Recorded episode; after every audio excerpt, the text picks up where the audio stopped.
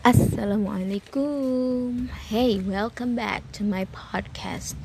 Berteman yuk Berkisah tentang Muhammad Sang Teladan. Yuk, yuk, yuk, yuk. Teman-teman Seperti yang semalam Kisah kita tentang penemuan harta terpendam Rupanya ada yang gak suka kan Dengan orang-orang yang sering mengunjungi Mekah Kalian mau tahu siapa orangnya? Kita akan bahas sekarang ya. Yuk, kita sama-sama sama check it out. Teman-teman, dari buku Rasulullah Teladan Utama jilid pertama terbitan Sigma Daya Insani yaitu tentang cahaya dari Mekah perjalanan hidup Rasulullah Shallallahu Alaihi Wasallam dari lahir hingga hijrah.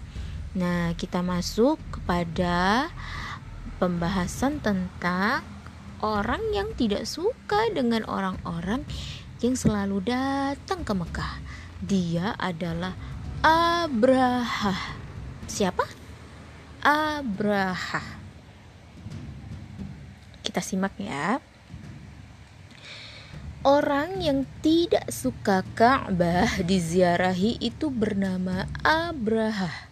Dia adalah seorang laki-laki bertubuh pendek dan gemuk.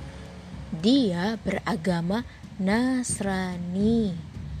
Abraha tadinya adalah salah satu tentara Aryab, gubernur Yaman. Namun, dia memberontak dalam duel, Abraha berhasil mengalahkan Aryat. Aryat terbunuh dan Abraha menjadi gubernur. Gelar Abraha adalah Al-Ashram, artinya si muka belah. Dia mendapatkan gelar ini karena wajahnya berbelah dari alis, hidung, hingga tuh bibirnya terluka akibat lemparan lembing Aryat. Luka itu meninggalkan bekas membelah wajahnya.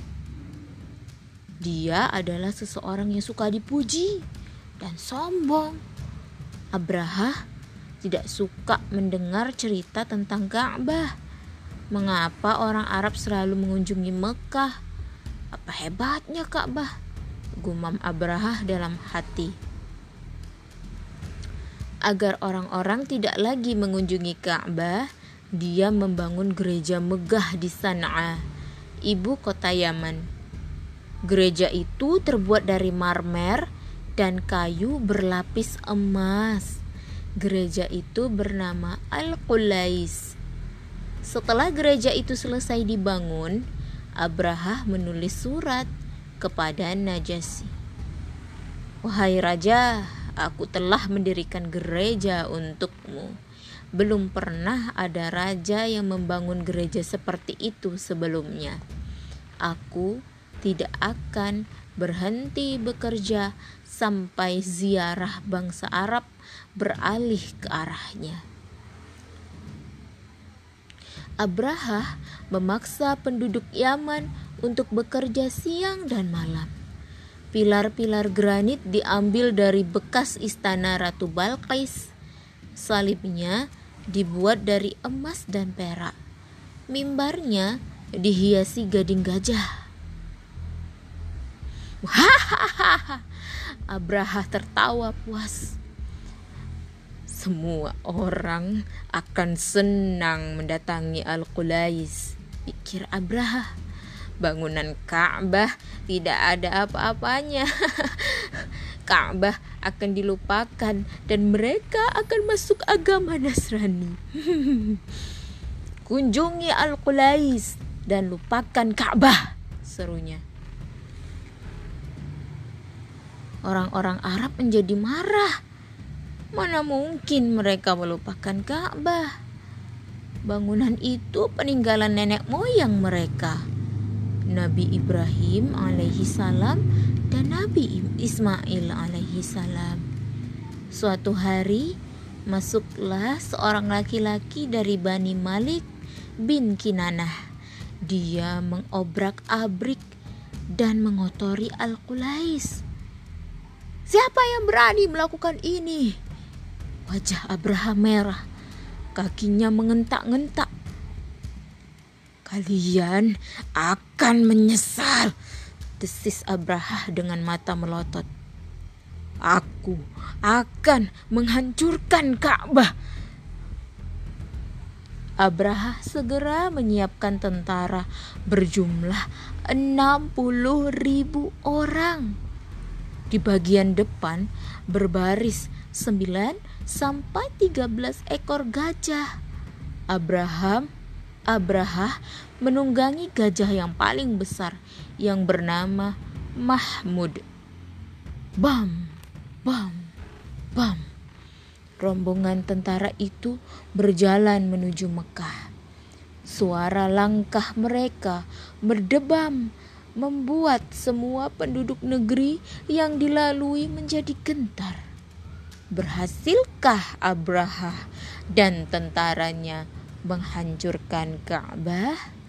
Teman-teman, menurut teman-teman, apakah Abraha dan tentaranya berhasil menghancurkan Ka'bah?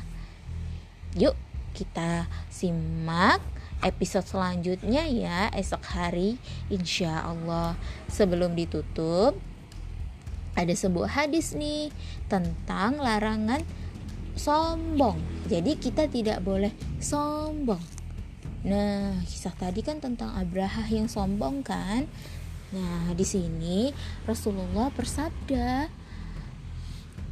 bahwa kita tidak boleh sombong. Nih, Haritsah bin Wahab Al-Khuzai meriwayatkan bahwa Rasulullah Shallallahu Alaihi Wasallam bersabda, Maukah kamu aku beritahu tentang penduduk neraka? Mereka semua adalah orang-orang yang keras, lagi kasar, tamak, lagi rakus, dan takabur atau sombong. Hadis riwayat Bukhari dan Muslim. Naudzubillah min dalik. Ya Allah. Lindungilah kami dari menzolimi diri kami. Lindungilah kami agar kami tidak menjadi orang yang keras lagi kasar, tamak lagi rakus, apalagi sombong.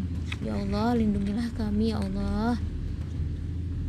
Teman-teman, ini ada tiga kosakata lagi seperti hari sebelumnya, yaitu ada gedung, istana, dan gubuk.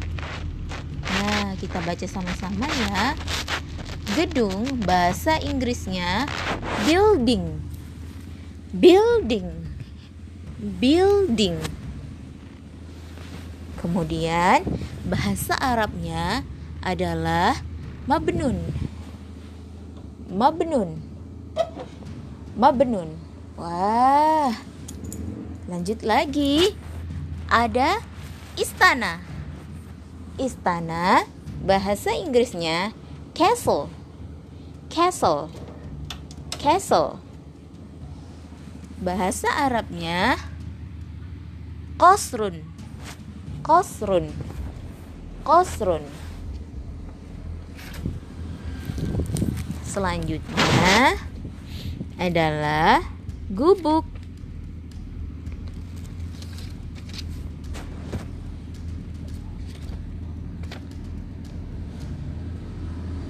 Gubuk bahasa Inggrisnya adalah